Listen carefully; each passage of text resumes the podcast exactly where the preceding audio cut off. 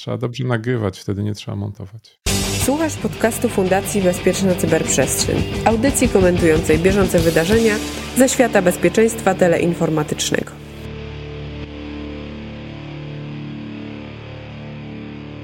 Dzień dobry, przed Tobą 363 odcinek podcastu CyberCyber, Cyber, a w nim Wojtek Korus z Koncert, Łukasz Jachowicz oraz... O, a Ty nie jesteś Mirkiem Majem? Dzień dobry, Adam Hertle. Adam Hertle z zaufanej trzeciej strony. Miłośników Adamowej rozmowy kontrolowanej od razu informuję, Adam nie ma dzisiaj Stefana, a w każdym razie go nie pokazuje. Tu nie pokazuje. Tu nie pokazuje. Nie, nie, nie przychodzisz ze Stefanem do konkurencji. Nie. Stefan nie chciał. Stefan nie chciał. A Stefan fajny jest. O Stefanie możemy porozmawiać, gdzie go będzie można spotkać. Ale to potem. Nagrywanie podcastu wspiera koncert. Bardzo dziękujemy. E, I od razu do konkretów. Kilka dni temu Idaho National Laboratory, taki dość duży ośrodek badawczy zajmujący się e, badaniami związanymi z atomem, potwierdził, że padł e, ofiarą ataku. Jak duży ośrodek badawczy? No mają z 50 reaktorów atomowych i podwórko o powierzchni 2300 km2, co oznacza E, że dość dużo osób było z nim związanych i aktywiści wykradli dane osób, e, które właśnie były jakoś związane z tym laboratorium. Tam są naukowcy, tam są jacyś ludzie, być może którzy tam po prostu wchodzili, imiona, nazwiska, adresy, numery, social security. W sumie mają tego być tysiące rekordów. Ja tej bazy nie miałem w rękach, więc nie, nie potrafię potwierdzić, ile tego jest, ale podobno duże tysiące. E, Social Security Number to odpowiednik naszego PESEL-u i podobnie jak w Polsce jego znajomość ułatwia się e, podszycie się pod kogoś, co od razu przekierowało moje myśli do niedawnego ogłoszenia wielkiego sukcesu polskiej cyfryzacji możliwości zastrzeżenia numeru PESEL. Nim ujawnię się ze swoim prywatnym stosunkiem do tego pomysłu, zapytam Was, co o tym sądzicie. Adam? No fantastycznie. Mm, znowu rozwiązujemy problemy nieistniejące i klaszczemy sobie za to, że je rozwiązaliśmy. Chciałem przypomnieć, że pod 4 miliony ludzi nie może ukryć swojego numeru PESEL, ponieważ jest on znany, bo występują w różnych KRS-ach, rejestrach fundacji i innych tego typu rzeczach. I co? Ile kredytów na nich wzięto? Ile telefonów na nich zarejestrowano? Ile dekoderów telewizji nie wróciło do stacji telewizyjnych, bo ktoś gdzieś kiedyś komuś PESEL ukradł? Więc po pierwsze, demonizujemy. Tak? Demonizujemy ten, ten moc tego PESEL-u, ale tak naprawdę rozwiązujemy problem, który no, sami sobie stworzyliśmy, nie regulując tego, w jaki sposób banki pożyczają pieniądze i nie zmuszając banków do tego, że jeżeli nie sprawdzą tożsamości tego, kto do niego przyszedł, to powinny same sobie tą pożyczkę spłacić. Jeżeli banki opierają weryfikację tożsamości osoby o numer, który można znaleźć w internecie dla 4 milionów Polaków, to chyba coś tutaj jest nie tak, a nie w tym, że nie można go sobie zastrzec. Przy czym nie mówimy tu wyłącznie o bankach. To podejrzewam, że to jest tylko Banki, no, instytucje mamy... pożyczkowe, wszyscy, którzy, którzy są tymi, którzy dają komuś pieniądze, żeby, je, żeby potem zabrać dużo więcej. Tak więc e, no wydaje mi się, że, że zabraliśmy się za problem nie, nie, z tej strony trochę, co trzeba. Gdyby bank był zobowiązany e, anulować zobowiązanie, które ktoś u niego zaciągnął, jeżeli nie zweryfikował w bezpieczny sposób, na przykład przez dane biometryczne dowodu osobistego, które przecież wielu Polaków już ma, albo przez osobistą wizytę w oddziale, no to, to bank by na pewno zadbał o to, żeby dobrze weryfikować to, kto pożycza pieniądze. A teraz nie weryfikuje i ktoś może się pod nas potrzeć i my musimy sobie zastrzegać PESEL, a potem pójdziemy do banku wziąć pożyczkę i okaże się, że musimy odstrzegać PESEL, potem 12 godzin cooldownu. Strasznie skomplikowane.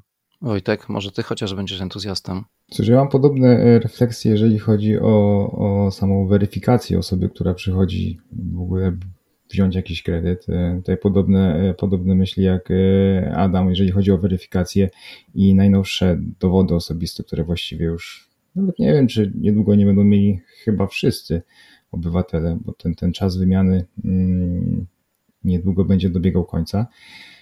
Natomiast ja się też zacząłem zastanawiać nad tym, czy, czy ta możliwość trochę nie wyklucza osób, które są y, cyfrowo powiedzmy trochę mniej biegłe, bo jeżeli ktoś będzie musiał pójść do urzędu i tam to robić i później, nawet jeżeli już, już się jakoś dowie w ogóle o takiej możliwości, bo to też jest ta druga kwestia, i później właśnie próbować załatwić jakąś sprawę, ponownie zasuwać do urzędu, no to to nie będzie działało, to nie ma w ogóle prawa bytu i to jest jakaś tam opcja, która powiedzmy wydaje się względnie atrakcyjna, ale tylko dla osób, które powiedzmy cyfrowo są względnie biegłe i, i będą o tym pamiętały, bo też się spodziewam, że będzie mnóstwo mm, problemów technicznych typu zapomniałem odstrzec mój PESEL i co teraz mam zrobić, chociażby nawet z, wy, z wybraniem większej ilości pieniędzy z bankomatu. Um, to niedobrze, bo nie bardzo mamy się o co pokłócić.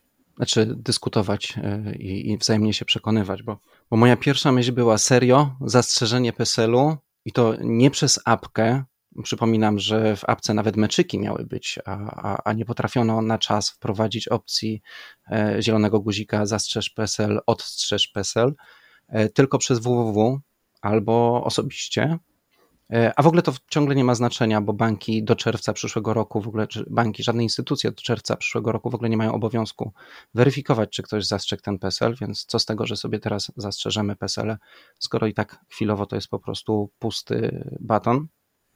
E, no i druga sprawa, rzeczywiście mamy teoretycznie scyfryzowane społeczeństwo, mamy możliwość logowania się M-obywatelem, którego też się da założyć zdalnie. To nie jest tak, że musimy gdzieś pójść, wystarczy mieć bank jakiś elektroniczny. Mamy dokument z warstwą elektro- e, cyfrową, mamy telefony z NFC, które ten dokument nasz z warstwą cyfrową potrafią odczytać i przekazać do apki M-dowód, czy jak ona się tam nazywa.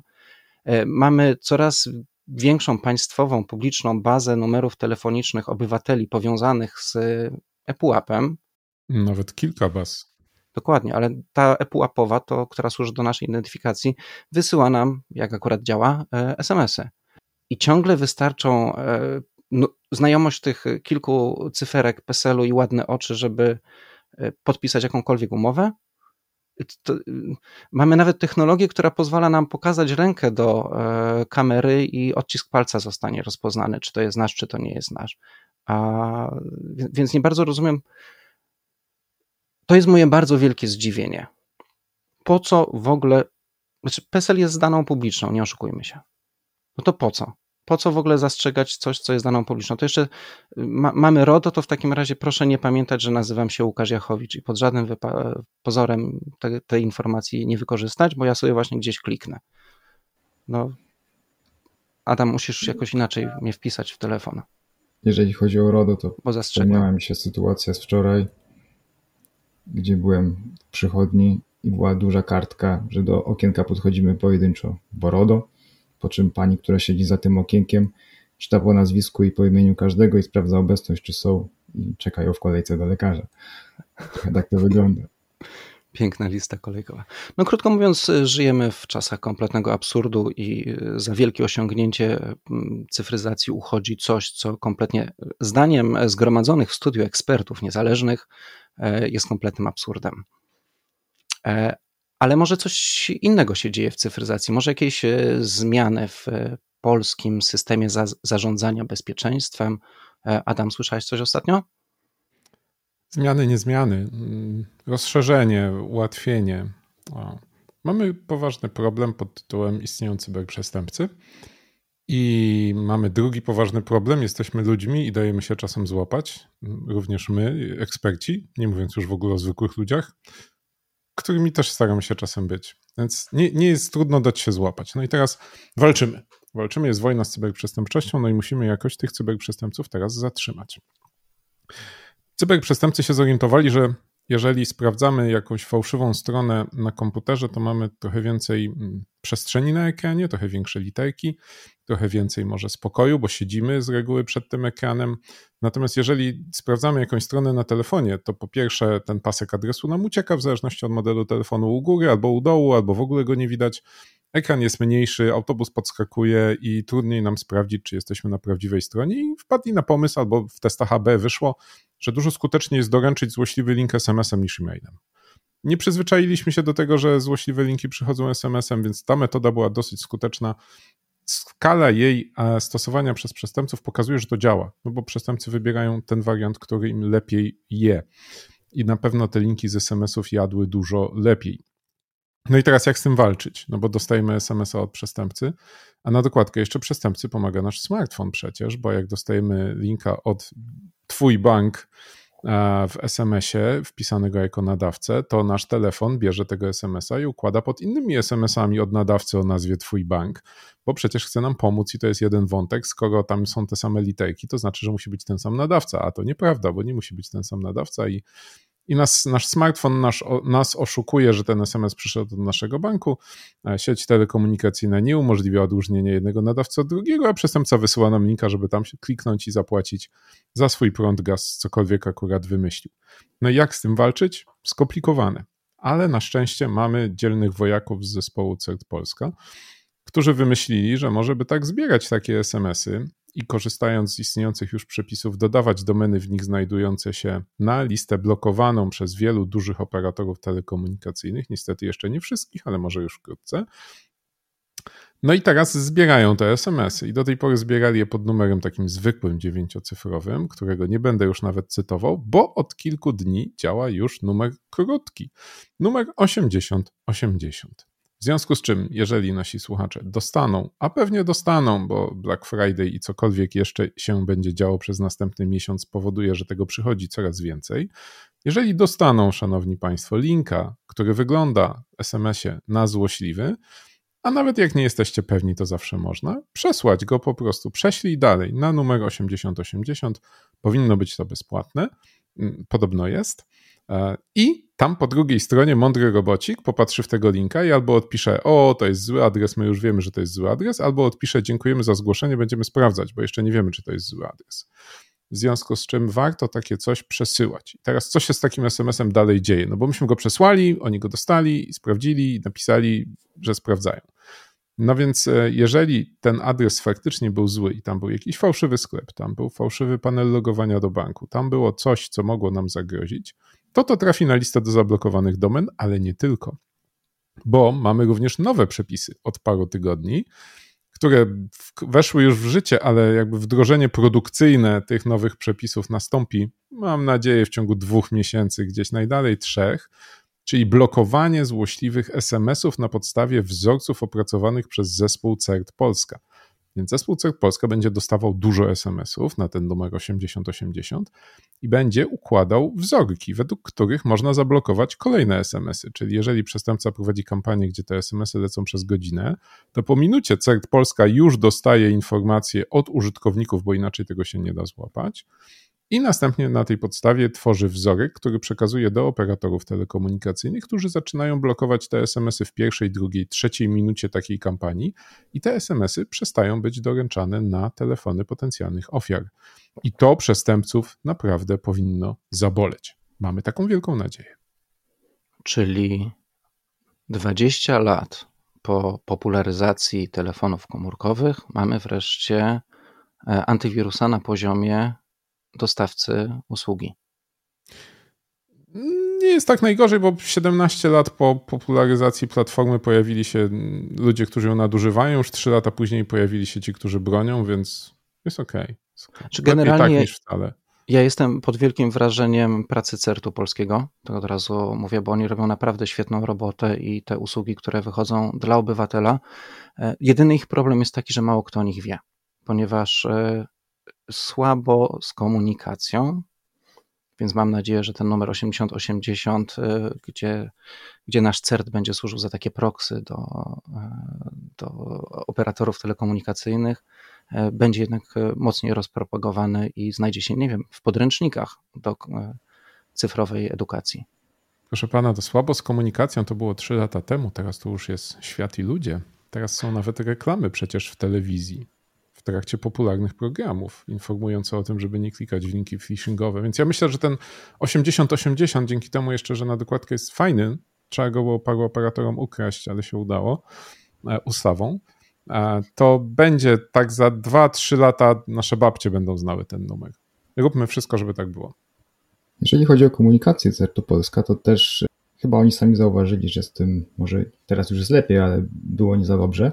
I na jednej z konferencji na STS-ie właśnie organizowanym przez fundację i współorganizowanym przez koncert y, pojawił się prelegent z CERTU Polska, który opowiedział o narzędziach, które mają, które są dostępne publicznie y, za darmo dla każdego do skorzystania i właściwie tak na dobrą sprawę, jak ktoś bardzo głęboko w temacie nie siedzi, to o nich nie wie.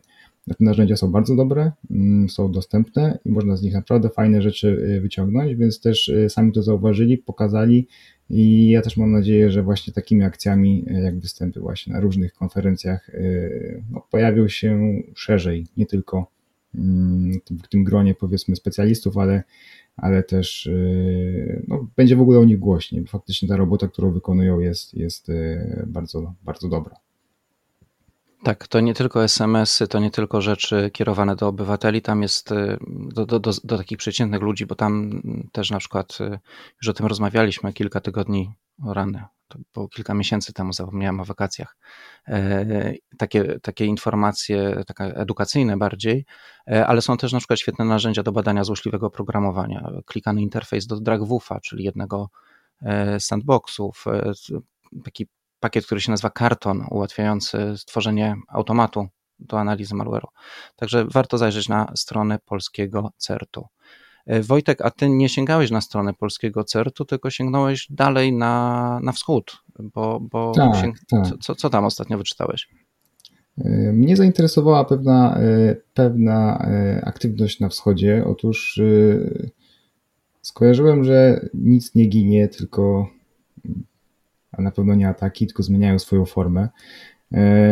I mamy właściwie mieliśmy ostatnio do czynienia z nową formą ataków, które już y, były przeprowadzane na wiosnę tego roku. Były one wycelowane głównie w ukraińskich dyplomatów, gdzie mm, pod y, przykrywką sprzedaży samochodów dla dyplomatów było schowane jakieś złośliwe oprogramowanie.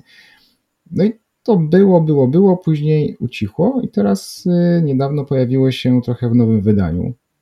Mm, otóż hakerzy z grupy APT29 Y, stwierdzili, że y, zrobią coś podobnego, wykorzystując lukę w WinRarze. Chodziło o to, że również reklama samochodów jakichś tam dla, dla, dla dyplomatów mm, przychodziły dla, na skrzynki pocztowe, natomiast cała zmiana polegała na tym, że wykonali dwie mm, powiedzmy lekko innowacyjne mm, akcje. Otóż pierwsza polegała na tym, że w WinRarze był, e, był błąd, który pozwalał na to, że po podglądnięciu takiej broszurki informacyjnej, takiej broszurki reklamowej, mm, uruchamiany był w tle kod, który, kod PowerShellowy, który pobierał payload.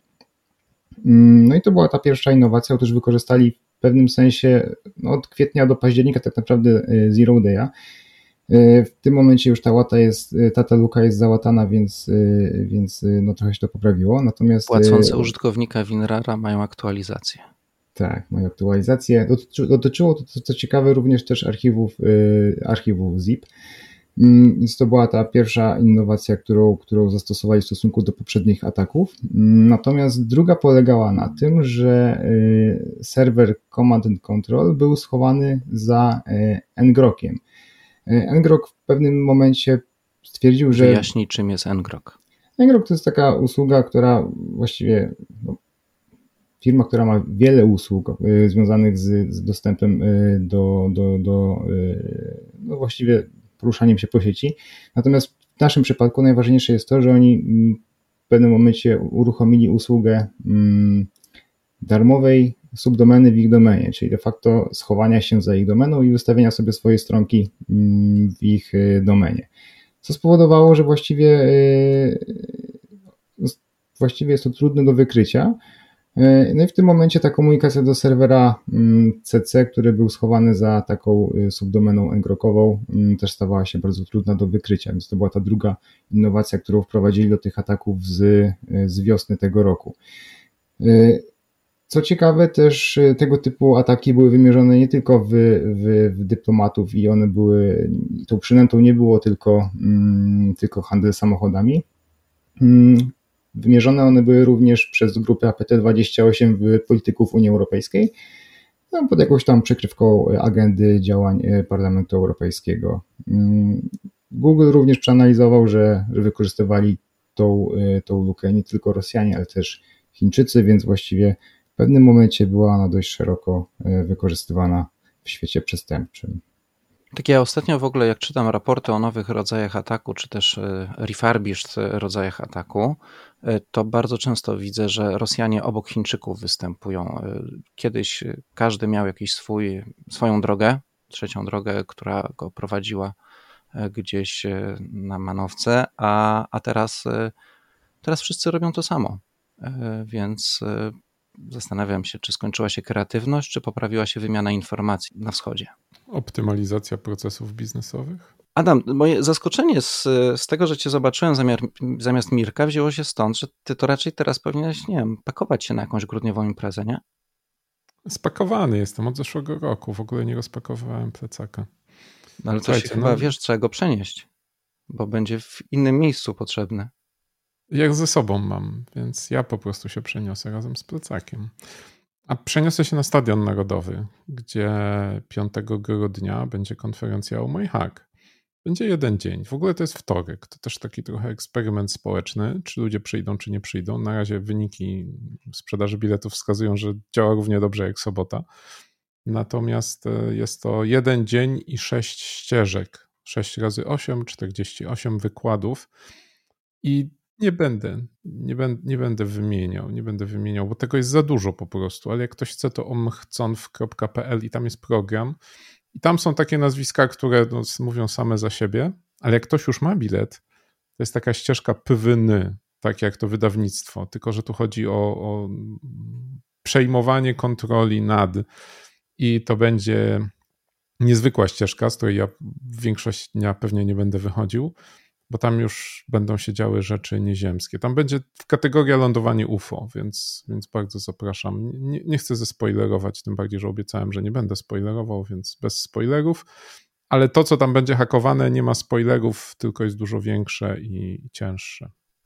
A powiedz mi, czy jeżeli ja się zapiszę, pójdę na to i no, sześć ścieżek to Wiem, co to jest, jak się jest w dwóch miejscach jednocześnie. To jest bilokacja, ale jeżeli chodzi o sześć, to już. E, to jak sobie z tym tak, poradzić? to jest kwadruplolokacja chyba. To podejrzewam, że będzie coś z seksem. Możliwe. A, a, chociaż nie, nie na tej imprezie, ale y, generalnie jest problem rozwiązany w ten sposób, że bardzo mało tych wykładów jest w statusie live only, czyli takich, których nie można nagrać. Każdy, kto pójdzie, dostanie w aplikacji konferencyjnej dostęp do nagrań i te nagrania będą praktycznie od ręki, bo są na bieżąco obrabiane. Więc e, jeżeli się okaże, że źle wybraliście i na przykład w połowie wykładu zmieniliście salę, to tą połowę, której Wam brakuje, będziecie sobie mogli dooglądać praktycznie na następnej przerwie.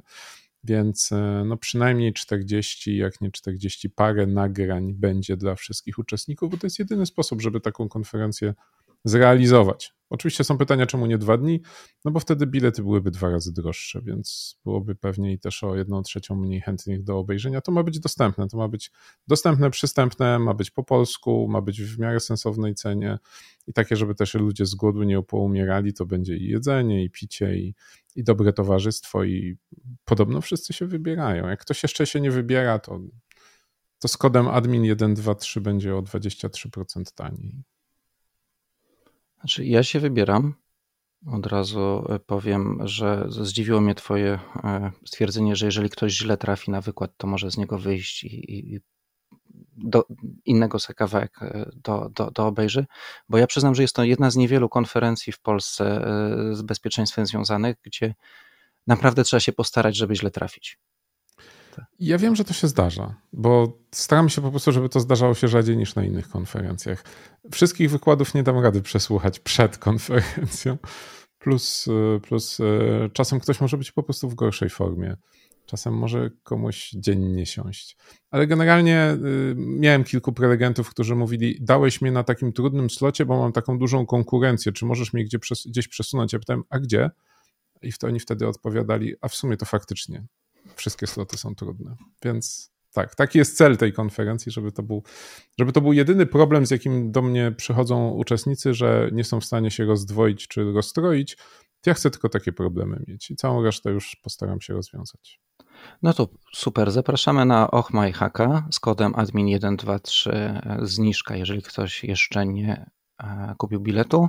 I pięć dni chyba, za pięć dni chyba cena rośnie, więc to jest taki, taki moment. Czyli za pięć dni, kupić. czyli którego listopada, bo pamiętaj, że to jest podcast. Któż to wie, ale koło 28-29 cena się zmieni. Tak na tydzień przed konferencją się cena zmieni, więc tak do wtorku jak kupicie bilet, to będzie w tej tańszej wersji. Znaczy, my nagrywamy to w Black chce... Friday, więc... Tak, tak. Nie, jak ktoś chce zapłacić drożej, to, to proszę bardzo, nie będę przeszkadzał. Okej. Okay. No to zapraszamy. Pewnie z, z, z, częścią naszych słuchaczy się tam będziemy mogli spotkać, bo, bo część z Was dotrze. E, myślę, że duża część osób związanych z cyber, cyber też się tam pojawi, bo to jest miejsce, w którym trzeba być i wydarzenie, na którym warto być. E, I będzie I polec... Stefan. Będzie, będzie Stefan. Nawet dwa Stefany będą. E, tak, bo, bo to jest taka dziwna sytuacja. Stefan jednak potrafi się bilokować.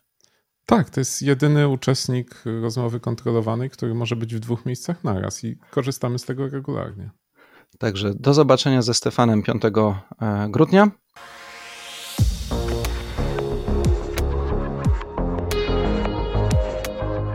Partnerem strategicznym podcastu CyberCyber jest Koncert SA, lider na polskim rynku cyberbezpieczeństwa. Sprawdź nas na www www.koncert.pl. I to tyle w 363 odcinku CyberCyber. Cyber. Dziękuję Adam za wizytę, fajnie było Cię gościć. Ja również dziękuję. Adam, Adam w ogóle starsi słuchacze, starzem, a nie wiekiem, może pamiętają, Adam kiedyś był naszym częstym gościem.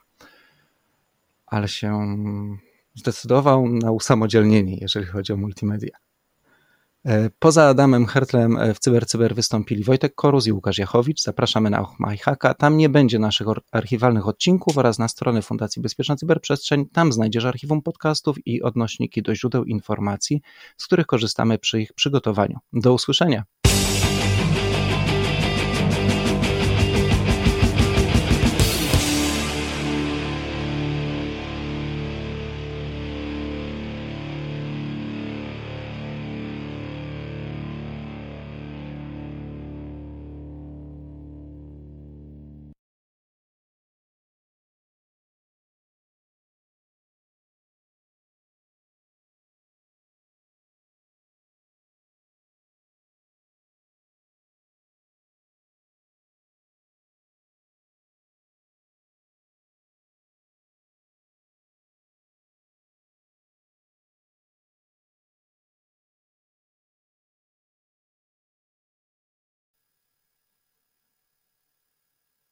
I nastała taka niezręczna cisza.